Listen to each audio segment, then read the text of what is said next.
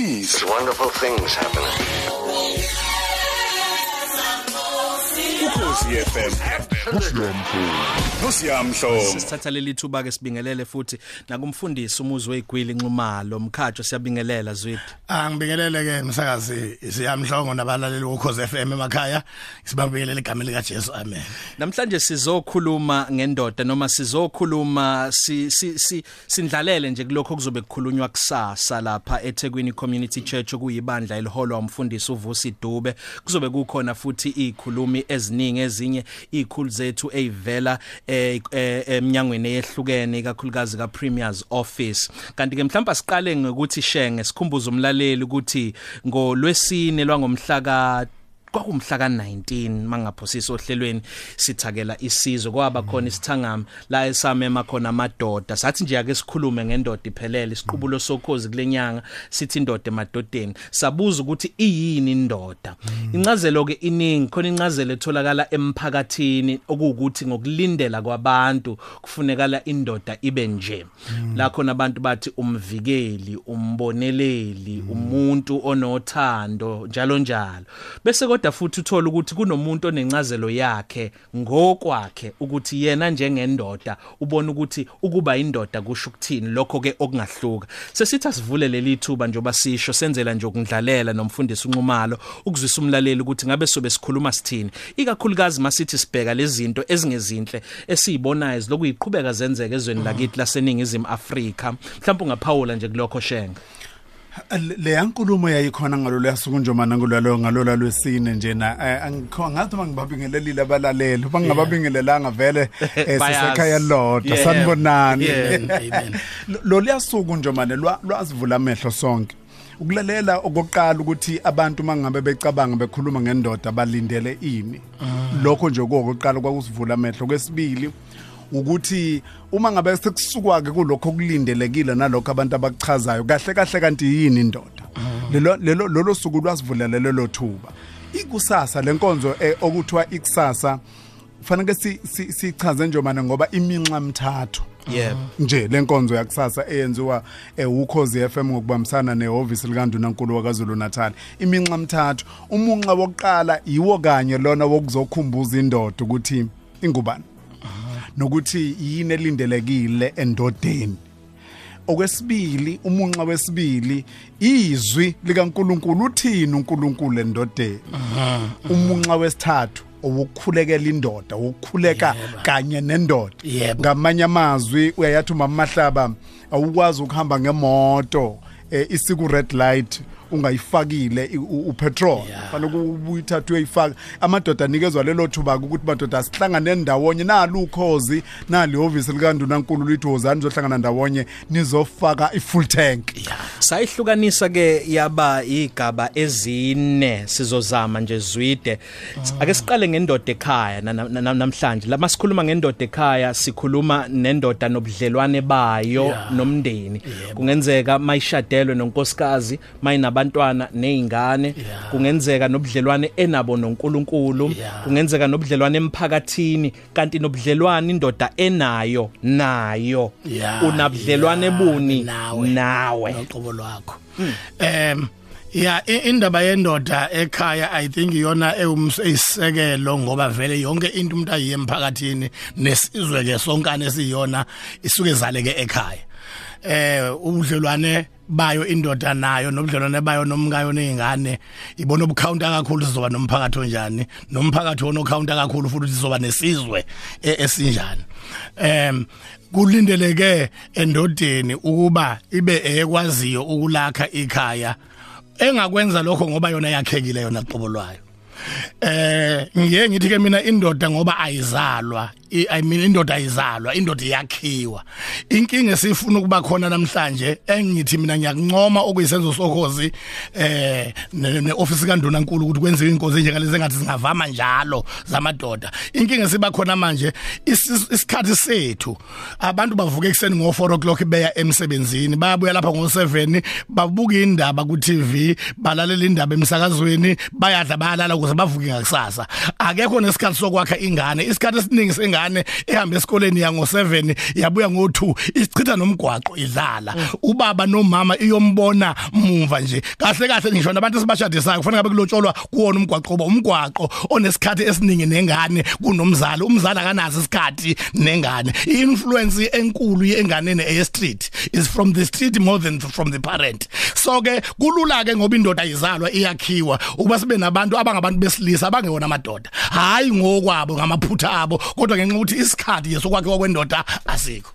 Kukhona ingcenye lapha shenge eya eyadala ukuthi mhlambe sigxile imzuzu yacishe yaba engamashumi amathathu uzwide saphawula nje eh ngendoda ekhaya nobudlelwane bayo. Le yobhlungu bendoda nezinto ezibanga ukuthi indoda ibe nengcindezi kwesinye isikhathi kudlulele kufinyelele kukhwantalala ezidalwe ukuthi ayinandawo la ethulula khona ayinandawo la ekwazi ukuxoxa khona. Zwide na ngizokunikeza lelo thuba ukuthi uphawule. Ukuthi njengendoda nje njengomfundisi nje kulindeleke ukuthi wena uhlezi ubusisa abantu ngaso sonke isikhathi njengoba ufikile nje la emsakazweni concert hawu khona unxumalo awuthi ngingabe ngisaya ngisale sengilalela mhla eshayekile mhla enezinto zakhe kwesinye isikhathi ezingakhulumeki esixukwini uzwide yena uzithulula kupha usikhumbuze lelo hlangothi shenge hey Nj- njomane ngi- ngicela ukuthi umlaleli kakhulukazi oyindoda eh owesilisa kungaba umfana ngaba yibhungu ngaba insizwa ubaba umkhulu.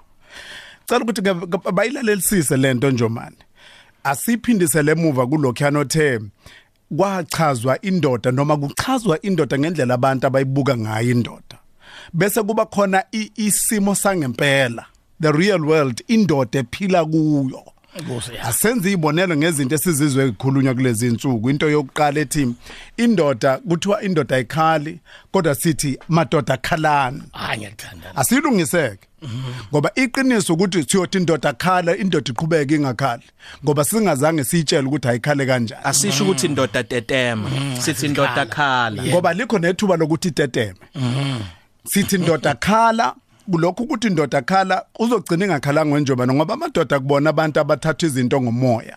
Indoda ilalela into ibisibheki ubuqiniso bayo ukuthi kuyakhaleka yini ngempela. Ngeke indoda ikhale phambi kweingane zayo njomani ngeke ngikhale phambi kamakhanyile uma wami ngeke ukhale phambi kamakhanyile uma wakho. Ukhalaza lahlekelwe yithemba. Kodwa fanele siwafundise amadoda ukuthi kulobo buhlungu ababuzwayo.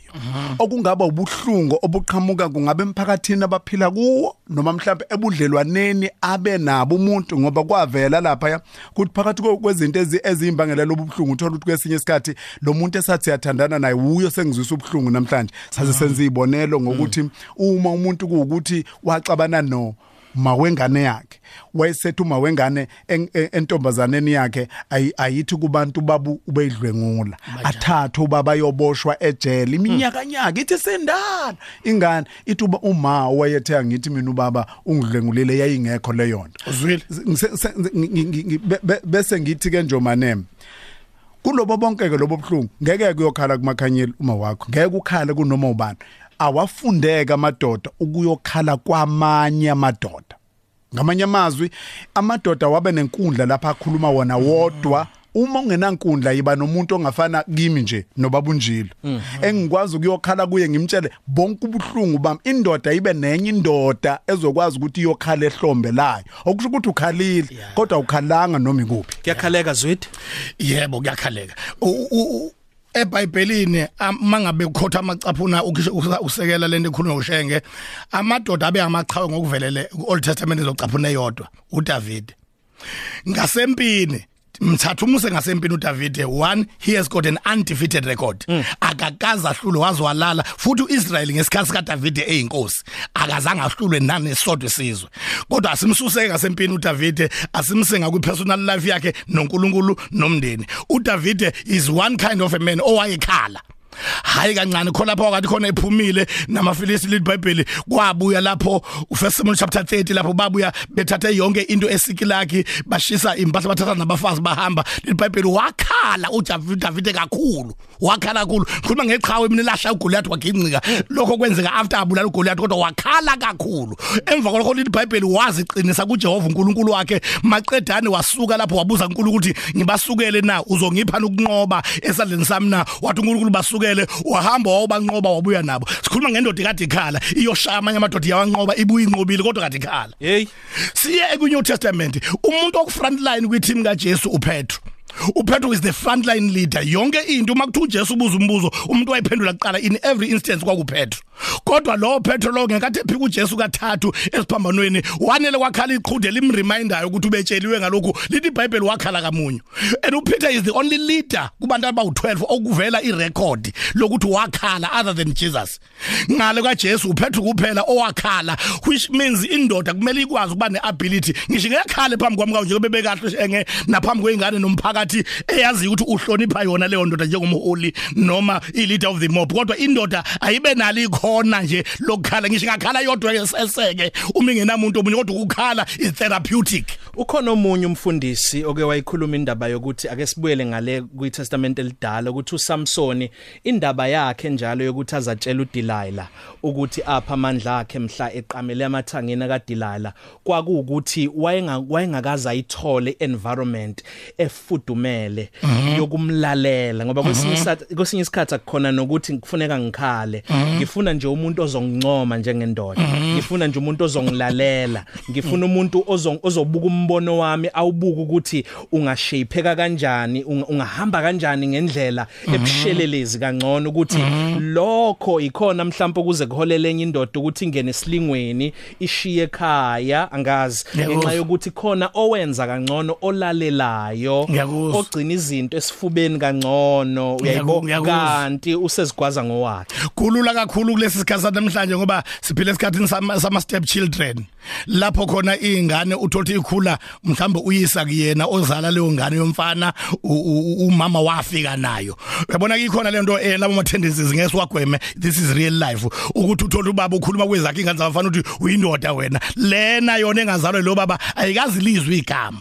Nangelilodwa ilanga liphuma kulo baba ekhula phambi kwakhe eyincoma nje ethi uyindoda igama lithi uyindoda yayilazi. So ke lo muntu uma ekwakhula wasebenza lo mfana abese thola umuntu wesifazane kanti is a strange woman noma is a devious one onamaplani namacebo athile oyiskima. Ngenkathi umuntu wesifazane enjalo uyakuncoma uma unconyo wena uyojabulela ukuthola into ongazange uyithole kanti usiyongena kunochaka usuyagacela uyazi nje manje le inkonzo efana nalena sobe sinayo kusasa la eThekwini engifuna ukukhuthaza lonke uhlobo lomuntu wesilisa okhona ekhaya. Umama tshela indodana yakhe ihambe iyo iyoba ingcenye yale. Ubaba wakwakho umcele uma ngabe uthakazwanga yoba ingcenye uyazi ngoba yini? Lezi inkundla zisinikeza leli thuba lokukwazi ukukhuluma lezi zinto esingazange siyithole engazange zikhulunywe kithi ngenxa yokuthi isimo besingavumi noma isimo besingakulethi lokho kithi. Uma uyabona nje njomani njengoba thina nawe sikhuliswe omama bethu eh wena kubabo wakho uyaphila kodwa sizwa kakhulu isikhathi okhule nazo ukhule nomama kakhulu. Mina ubaba ngimazi ekukhuleni kwami bekudinga ukuthi ngikwazi ukuzakhela uhlobo lwendoda engifuna ukuba yilona. Ngingaba namaphutha futhi nami njengawo wonke abanye abafana ekukhuleni kwami kodwa lolu hlobo lwendoda engiyilona ilole engilwakhile ngokubuka uhlobo lwamadoda oluseduze kwami. Okusho ukuthi uma uyayungizwe ngikhuluma ngokuthi inkunzi sematholeni bese ngikunikeza inselelo abafana. Ngithi mina uma sithi inkunzi sematholeni sisho ukuthi indoda ikulabo abafana. Kodwa kumele ukuthi laba abafana bafunde ukuthi inkunzi zimise kanjani. Okusho ukuthi amadoda ayiwo amadoda aqotho aphila kanjani ayiphatha kanjani. Ngizokwenza isibonelo njomane kafushane. Ngihamba isikhathi eside nobaba kuthiwa uvusa ishabangu uhlala la emlazi kwazetho wasenkandla. Wayengimangalisa ubaba uvusa ishabangu ngokuthi ubaba uvusa wehlala ekhulumela ngonkosikazi wakhe. Angizange ngibone ngisho into ethini kumuntu umuntu wesifazane esondele eduze kwakhe. Iminyaka ngeminyaka ngahlangana nobabunjilo ubabunjilo isikhathi eside ngimfunda ubabunjilo akafa ifoni yakhe ubabunjilo makuthiwa usemhlanganweni ayidivert. Akanqeni ukuthi singene kumaye lalela mfowethu vele iye kumama ekhaya ahamba ubabunjilo ayephesheya athatha ifoni yakhe ayishiye kumama ekhaya. lezo zinto zangifundisa ukwakha uhlobo lwendoda ethile ngokubuka abantu abaseduze kwami. 28 minutes past 10 sixoxa nosibu Buthelezi nomfundisi umuzwe igwili inxumalo wakhazimula Jesu emsakazweni ukhozi FM uhleli indumiso sixoxa ngamadoda. Zwide iqiniso lithi kukhona besifazana abathi qedani njengoba kumhla ka29 nje siyaviva silindile ngoba uAugusto wethu uzobonaka abantu besifazane futhi mabenza into yabo bayenza kahle ibe nokuhleleka ithanga mzabo la kukhulunywa khona ibe nemfaniswano lapho khona beqoka izinto ezifanayo bazakhela iqubulo iqiniso lithi sibenzile yini ubulungiswa masikhuluma ngendoda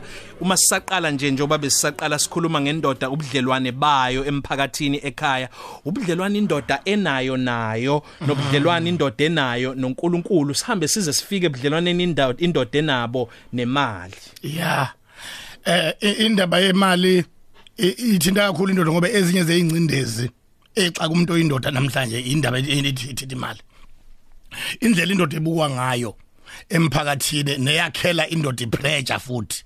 Ukuthi unayo imali noma cha. To an extent that kwamanye ama relationships ama relationships emishadweni kungekho inkinga emshadweni. Khona amadoda ashiwa ukuthi owesifazana une excess kuyafinye uyakwazi ukubheka ilevel yemali indoda enayo kanti usondelwa amanye amadoda anemali enkulu kunomyeni wakhe. Uthola ukuthi uyishiya indoda uyishiya kungekho ma problems kwi marriage kodwa uyishiya ngoba enjengomuntu onyuka istepisi oshiya indoda nayo ukuze aye kwenemali kakhulu kunaleyo. Which is also found in the bible. Unkosikazi lona kwakhuza uJohn umbhabhadizi ukuthi angashadi nomkamfowabo uHerod waye inkosi lo enemali lo owayeshiwe engenamali kodwa kuyizelamani usisi efuna ukuthopa apha efuna ukushiya umfana omncane ongenamali aye kubhuti omdala onemali in the same family. uHerodi uHerodi yebo that is the same case eyenzeka. Iyona into prevalent lezi insuku. Ujajwa ngemali ungake umshado wakho ubhidlike ungabhidlizwa ukuthi wena ndoda udala inkinga noma inkosikazi yakhe idala inkinga kuwena. Engekho dala inkinga komunye kodwa nje kuvele kwa access kwathiwa nginganyuka ngidlulele phezulu. Pho uma uyindoda ebudlelwaneni noma emshadweni izinto zemali njoba kuthiwa ubuhle bendoda inkomo zayo. Uma pho uma usunonkosikazi eh esenemali ngaphezulu kwakho ngabe ubudoda bakho buyalulazeka noma buyancipha na? Akwenziwe njani? Ikhona yini into noma ithangami noma inhlangano la ezithi khona pho-ke uma lento ebikwenza ukuthi uzizwe uyindoda esekhona owesifazane esenayo ngaphezu kwakho kuzokwenziwa njani? Eh indaba ebe isikhala kakhulu endabeni emadoda ile ukuthi ukuhlangana kubenziwa kwabalula even traditional or culturally akubonakali. Kunezinto ezihlanganisa amadoda kuthiwa nje kunengqoqo noma imbizo yamadoda odwa. Ngisho ngabe kuthiwa ke khulunywa ke endabeni yasemalokishini la makhansela khona ebiza khona abantu azikho izinto ezizinhlelo eziqoqelwa amadoda. Amadoda as a result uwathola ehlangane ngoba ehlangane etavern noma ahlangane lapho kuzobe kukhona into ezibhenywayo neziphuzwa khona nezisaphilisa elidliwayo khona. Okuzogcina ke manje lokho kuhlangana kumi ngeinfluence yale nto eyenziwayo uma kuyephuzwayo noma ebhenywayo. Kungabi influence yomuntu othile oqoqelwe ukuba zokhipha amazwi okwakha amadoda adodisa amadoda.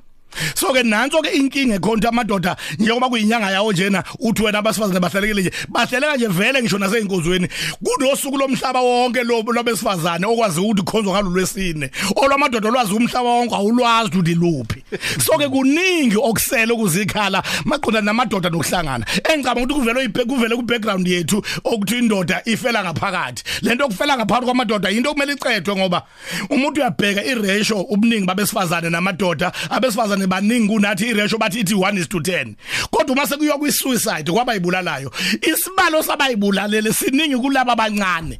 Sikulo 1 kwi ratio ethi 1:10 uma uzubheka ukuthi obani abaningi kwi suicide abayibulalayo yilabo abancane ngesibalo kunama kunabesifazane. Okukhomba ukuthi lokhu kufela ngaphakathi kwamadoda akwasiza amadoda. Amadoda awavu awavuma ukubhoboka ngoba uma ungabhoboki uyogcina ubhobokile akekho umuntu ogcina engabhobokanga all together uma ungabhoboki uyobhoboka. Either ngokuthatha isibhamu uyiphihlize wena ukubhoboka lokho. Okumele ukubhoboke ngendlela eright sokubhoboka ngendlela errong akekho umuntu ongeke ukubhoboka. Ngakho amadoda awagcine azi ukuthi kumele kube nendawo lapho ebhoboka khona akhale lapho ekhala khona akhofawuthe izinto eziwahluphayo ngoba vele uyogcina ukukhiphile ngendlela errong lokho kumele ukukhiphe ngendlela eright.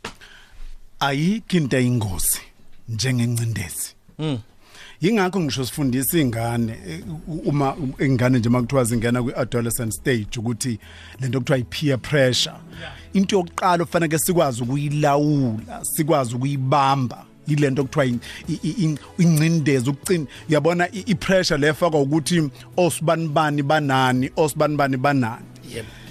Akekho nje manje umuntu oyoqhamuka eceleni akunikezwe kungcono ngale kwalokho ingqondo yakho ekuphekayo.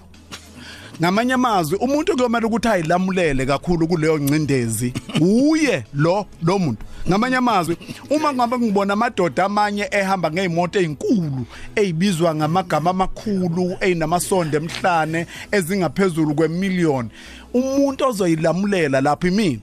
Uma kukuthi angakabi nalo lohlobo lwemoto fanele ngikwazi ukukumela ukuthi anginalo uhlobo lwemoto. Uma kungenzeka ngihlangane nowesifazane kuye indoda echazwa ngokuthi ihamba ngemoto enkulu akuyena owami. Angilakelele ngokuthi ngithi lo akuyena owami ngoba ngeke ngakwazi ngisho ukuhlala naye ngoba ngilona uhlobo lomuntu wesilisa amfunayo. Uyabona ukuthi wenza njani lapho? Uyawufunda nje umhlaba. Awuyenzi lento eyenze sengazi ukuthi usuyindoda e- engandoda ngenxa yokuthi awunazo lezi zinto. Okwesibili njomani kukhulunywe kakhulu ngelento yokulingana. Ey yabona ko ubungozi i- ngicabanga ukuthi isihloko leso eh, esiyodinga ukuthi ngelinye ilanga ndomani usibu usibuke kodwa umeme abantu abazinje ukhethe ukukhulumeni ngalezo zinto. Angizokwenza isibonelo la ekhaya Uya- uyabona njengoba ngiphethe siphethe umuntu wesifazane la ekhaya uzandile Tembo yana programs manager. Ngithi? Yebo ngeke ngikwazi uzandile mina ukumbiza. Nomphathi stage nomphathi stage Usibonge ngeke ngeke Ngcobo. ngikwazi ukubasusa lapha eofficeini ngithi abeze la e-studio ngenxa ukuthi mina ngiyindoda kodwa u- uzandile uzokwazi ukungibiza eofficeini lakhe ngoba ungiphethe. Lalela nje manje ngesikhathi ngizongena eofficeini likamatembe ngiyindoda yakabuthelezi aku- aku- akuyirijusile futhi akungenzile kwasangathi ukuthi angiseyona indoda kodwa ngizomhlonipha ngenxa yeoffice lakhe. Uma ngiphuma kungabe ungithethisile? Ngabe ungisole ngento ethile engiyenzile kwaze kwadinga ukuthi ngikhala mangabe ngiyakhala ongaphatheka kabi noma ngaxolisa akungenzi mangiphume eofisini lakhe kungazothi angiseyona indoda. Ngiyindoda kuleso sigaba. Okusho ukuthi angilahlekelwa nje ubudoda bami ngenxa yezimo. Ubudoda bami a- a- a- abulawulwa izimo engibhekene nazo ngaleso sikhathi. Ngifuna ukuthi indoda endodeni bugcina ubudoda bakho bugcine kakhulu engqondweni nasenhlizweni bese kuthi uma kwenzeka kufika izimo okungaze kade zibubukela phansi ubudoda bakho kube wuwe oyilamulela ngokuthi lezi zimo noma zisho kanjalo kodwa ngiyindoda still. Ngibe ngisakhuluma ngale ngcenye yokuthi sigade esikudlayo. Eh kuze kugcine kube ngazuthi kuusikompilo ukuthi uma uphakela indoda phaka kuqonge. Eh uphake i-stiff pap uphake uphuthu lube liningi. Kanti ngokweqiniso kuthiwa istash esepletini kumele silingane nesibhakela.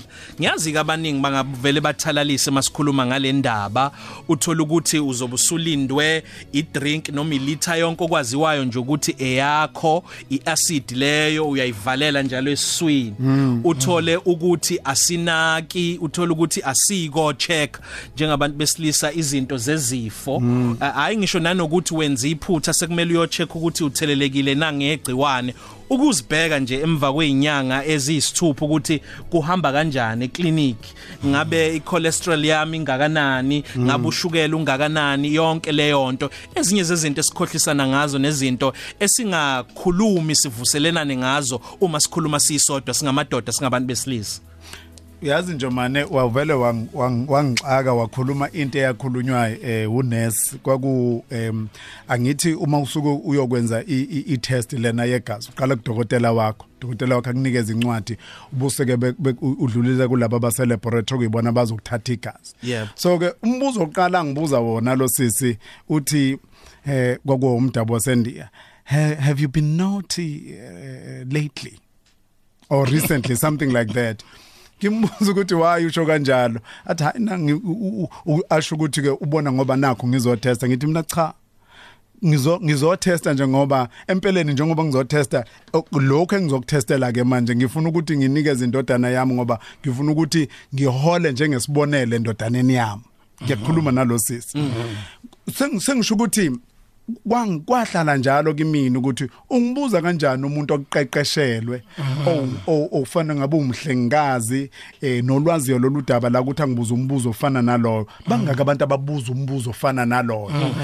Ndo njomani uthe mangihambe ngiyotesta kungonakele lutho. Ngoba ngifuna ukuzazi ukuthi isimo sami sinjani. Uma ukhuluma ngo cholesterol uma ukhuluma ngo BP ukhuluma ngo diabetes zonke lolu hlobo lezifo kuthiwa ikhona emhlabeni. Angiyi kuyochecka ngiyakha njengendoda ngoba sengigula ngoba ingozi lena yokuthi uthola ukuthi sengiyophaphama ngoba sengilele phansi. Kanti nganginaso isithuba sokuthi ngiye kudokotela ngobheka ukuthi impilo yami nje injani kuyona yonke lemkhakha esibaliwe. Nokunye udokotela bengakubona kungabonakali inhlobo uqinisile ushenge mhlawumbe ohlangothini lenu zwide njengabafundisi uthola ukuthi nje njoba kuyisonto uzoshumela kabili ekseni ushumayele emini ushumayele kabili futhi intambama uyahamba isikhathi esiningi udla utho ngekubone kwesinye isikhathi uthola ukuthi kune conference eh mhlawumbe inkonzo iphele ngo half past 10 kusazoyiwe egumbini njalo la ivakashi ziyodla khona ziyodla seko hora past 11 usuyalala ngo 12 ukudla kusagayekanga kahle yonke leyo nto. Uthola ukuthi noma ushumayela usuza uhefuzele leyo nto uthola ukuthi ubizo nogcobo uNkulunkulu akunikeze lona umzimba wakho ngelisakwazi ukumumatha ngenxa yendlela oziphatha ngayo kwezempilo. Ya eh, kubaleka kakhulu indaba kuyinakekela kuyavela uthi uJesu wayinakekela endabeni yezempilo. Khona lapho kubhalwe khona kuncwadi namakhe uJesu ethi come ye and rest a while. Ngisho rest ungathi ngoba nakho kunamathuba okuvuleka ukusebenza uvela usebenze ngathi ufuna ukuqhulekela khona ithuba lokuphumula liyathinteka. Ngisho ngabe kuthiwa wenza umsebenzi ukuphumula kuyadingeka. Indlela odla ngayo umuntu umsebenzi wakhe ukunakekela ukuthi impilo yakhe iba sesimweni esifaneleyo. Noma ngabe kuthiwa amathuba akheha kangakanani? Kangakanani? Yeah. Uzwide u- u- uze wakubalula ukuthi kukhona eBhayibhelini ukuphumula. Kune kunengxenye engiyithanda kakhulu eyangifundisa ku- kuyona engafunda ukuthi njalo bangabe kuzoba neproject enkulu and yangisiza kakhulu leyo nto nami. Mangabe ngizoba neproject enkulu nginikeza isikhathi esiningi sokuphumula sokucabanga kakhulu sokufuna kakhulu ama sources of knowledge. Kungaba zincwadi ngiye ku YouTube njalo njalo eh ngiyobheka ulwazi. Lokhu kokuthi njalo mangabe uzoba neproject enkulu oyibekela yona zinikeze isikhathi sokuphumula. Uyabona abantwana bakwaIsrael uNkulunkulu ngesikhathi sebezongena ezweni uNkulunkulu ayibathembise lona. uNkulunkulu wabahlalisa eGilgal insuku ukuthi abahlale baphumule lapho. Lesiya sikhathi kwekuyisikhathi esasibalulekile kakhulu ngoba ngiyabheka nje ukuthi baphumule eGilgal ngaphambi kokuthi uNkulunkulu abanikeze umsebenzi wokurawonda indonga zeJericho kaninginingi futhi ukuze bakwazi ukugana isibindi sokukwazi ukungena kule kulelazi uNkulunkulu ayibanikeze lona. Okusho ukuthi indoda mayikufunda ukuthi ungakwabalekela ama responsibilities amakhulu. Nikeze isikhathi kakhulu noNkulunkulu. Ngifisa shenge sidedele uzwide.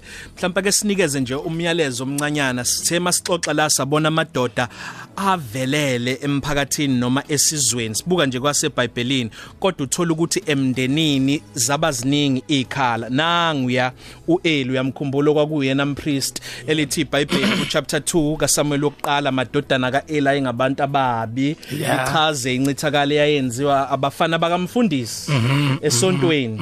Lapha yana ku chapter 3 kuthiwa ke kwa- kwanqamuka kwangababikho ukukhuluma kukaNkuluNkulu nembono yangababikho kudalwe yini njalo. Incithakalo eyenzeke ngenxa yamadodana endoda uNkulunkulu ayithembile Yebo, uEli yebo. nangu noDavide Yebo. elithi iBhayibheli uSawul ubulala inkulungwane kodwa uDavide ubulala Ishu. amashumi einkulungwane Yeah. uDavide ngisho isihlalo uJesu ayobuya azohlala kuso Sibizwa ngokusho ngesihlalo kweprofeto sikaDavide, kweprofeto yebo. kuthiwa isihlalo sika Davide Yebo. kodwa Davide wenze kanjani emndenini akusichazele nje kuleyo ndaba yokuthi qaphela ndoda ungavelele emphakathini nasesizweni nasemsebenzini ube yicelebrity kodwa lapha ekhaya kumama kube khona izinto ezingenzeki ngisho naseyinganeni ungakwazi ukuthi imfundisi ibe khona.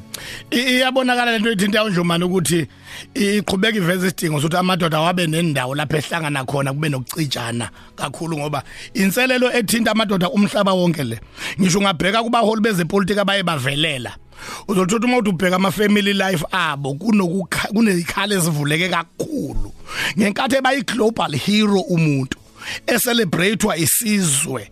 Njengoba iAmerica icelebrate uMartin Luther King nje iSouth Africa izocelebrate uNelson Mandela. Kodwa uma uthi uyachecka kuma families uthola ukuthi ukuvuleka kwesikhala einganeni kwaba kukhulu kakhulu kuna wonke ama leader spiritual kwethu amabandla kamoya kulamadoda asebenza imangaliso ingane zawo amanye awo ngiyazazi kumbulwa kwembeswe. Kwembula kwembeswe inselelo lena ngikufundile manje ngakubona ukuthi uma umuntu omholi emkhakheni othile eke wabagudi ekuphatheni ifamily anyuke nayo kuba ngathi kuba slow ukunyuka igama lakhe liye phezulu eyintweni ezithithi public especially kwi national and global level. Once umuntu omholi wanyuka wofika ku national and global level uyothi ufika kuleyo level kalula ngoba kuvuzile. Ama responsibility nezikhala into ebeyithu uattendwe emndenini. Manje how do we strike that balance? Into lesiphoqa ukuthi amadoda awabe nazi indawo izinkundla lapho kucijiswana khona ukuthi ungenyuka kanjani ngalokhu ngale ukuthi kusale lokhu? Mhlambe ke shenge ungakwazi ukuthayisela lapho ngaphambi kokuthi sizokhuluma ngobudlelwane bendoda noNkulunkulu sesivala. Fethi kubalulekile kakhulu lokho. Empeleni ibongo zendoda ithola ngenxa yama ngesilungu bakubiza ngokuthi ama accolades okusho ukuthi izinto zenzile umhlaba wawusuyibona lezo zinto ubusuya kuvuza ngazo. Okusho ukuthi indoda epheleleyo a total man sizoyibona ngokuthi umama wayo angakhali oyizalayo umkayo angakhali. Ingane zayo zingakhali emsebenzini lapha asebenza khona abamphethe superordinates bangakhali ngalutho. Abaphethe yena subordinates bangakhali ngalutho. Indoda epheleleke leyo. So isho lento ukuthi awukwazi ukuba muhle kokodwa kodwa okunye ungakunaki. Mm. ngoba kusho ukuthi awuyona awuphelelisile izinto mm-hmm. zakho. Uyayibona leyo nto. Sesikhulume ngokuthi abantu abafana no Tiger Woods banama coaches ahlukahlukene. Okusho mm-hmm. ukuthi umuntu nomuntu ufanele ube no coach wakho noma umuntu ozokwazi ukuthi abe ingqwele kuwena ukwazi ukuya kuyena bangabe izinto zakho mhlawumbe ubone ukuthi ungazi ukuthi ngisalele emuva kuloko uyakulekelela ukuphakamisa kukho. Ngifisa mfundisi ke manje sesigoqa inkulumo yethu usuzothandaza. Ukusitshele ngokubaluleka ke sixenxe indoda ngokubaluleka kwayo nobudlelwane noNkulunkulu. Ngisho ngabe kuthiwa umfana olalele noma kuthiwa insizwa ibhobhodliyana ngisho ngabe kuthiwa ungakanani. Ukuthi kubaluleke ngani ukuthi ube nobudlelwane noNkulunkulu bese uyasithandazela mfundisi? Eh umuntu akalunge engenayo into eyinhloko yakhe. And inhloko yendoda uKristu noma ngokubeka ngolimo olulo inhloko yendoda uNkulunkulu.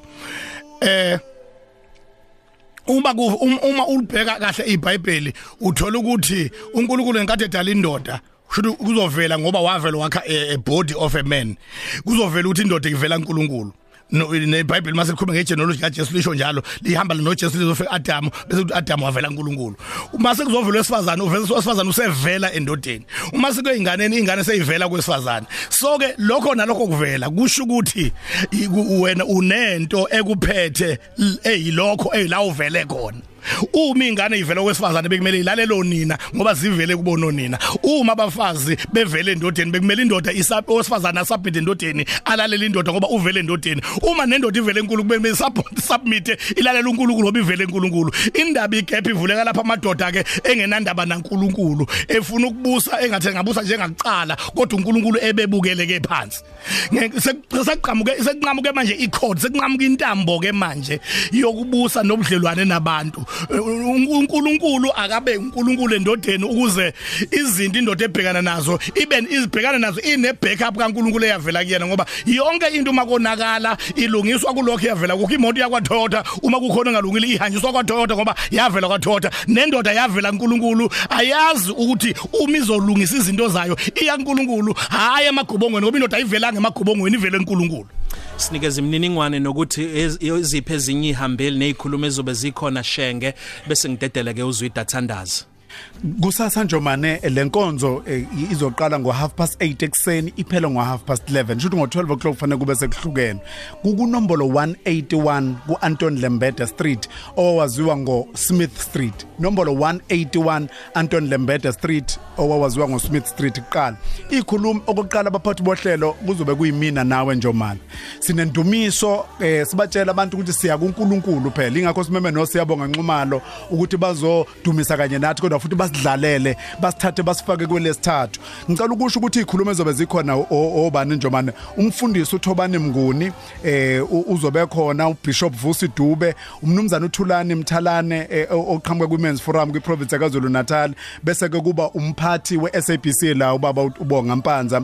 Bese ke okuyisona sikhulumi sethu esingqangi lapha ya udokotela u empeleni uBishop dokotela MD Biyela kodwa futhi sobe sinano dokotela usibongiseni Dlomo eqhamuka eh lapha yana kuhulumeni wakwaZulu Natal. Naye ke umfundisi uzobe khona ubabo umfundisi umzwe igwili njengoba sikhuluma naye la namhlanje. bese ke kuba umfundisi uPV Zulu. Siyabonga kakhulu Shenge nokuthi ufike nje. Sicela usinikeze umkhuleko umfundisi ake bese lethuba ukuvala amehlo. Babongcwele noNkulunkulu omuhle siletha nase sizwe sakho esinhloko yaso indoda. Ngegama lika Jesu Kristu ngaphandle kwakho baba singenze lutho. Uthi uJesu uma singahlali kuyena njengamagatsha ehleze emvinini singenze lutho. Sinikela indoda nendoda ezwayo nengalalele lolu hlelo. Lulula isandla sakho kwiSouth Africa ehleze sicula ngawo sithi inkosikele Africa uvusa uqwashisa amadoda vusa amadoda kwabancane abafana uvusa amadoda kwasebekhulile emkhakheni yonke kona onke ama angle kulo zonke ama department vusa amadoda azokwakheka amele sizobe ukukhanya kwezwe. For your glory baba sikwazi ngokukhulana nokunxusa nokubonga. Thatha over in Jesus Christ's name amen These wonderful things happening. Ukhosi FM. Nosiyamhlobo.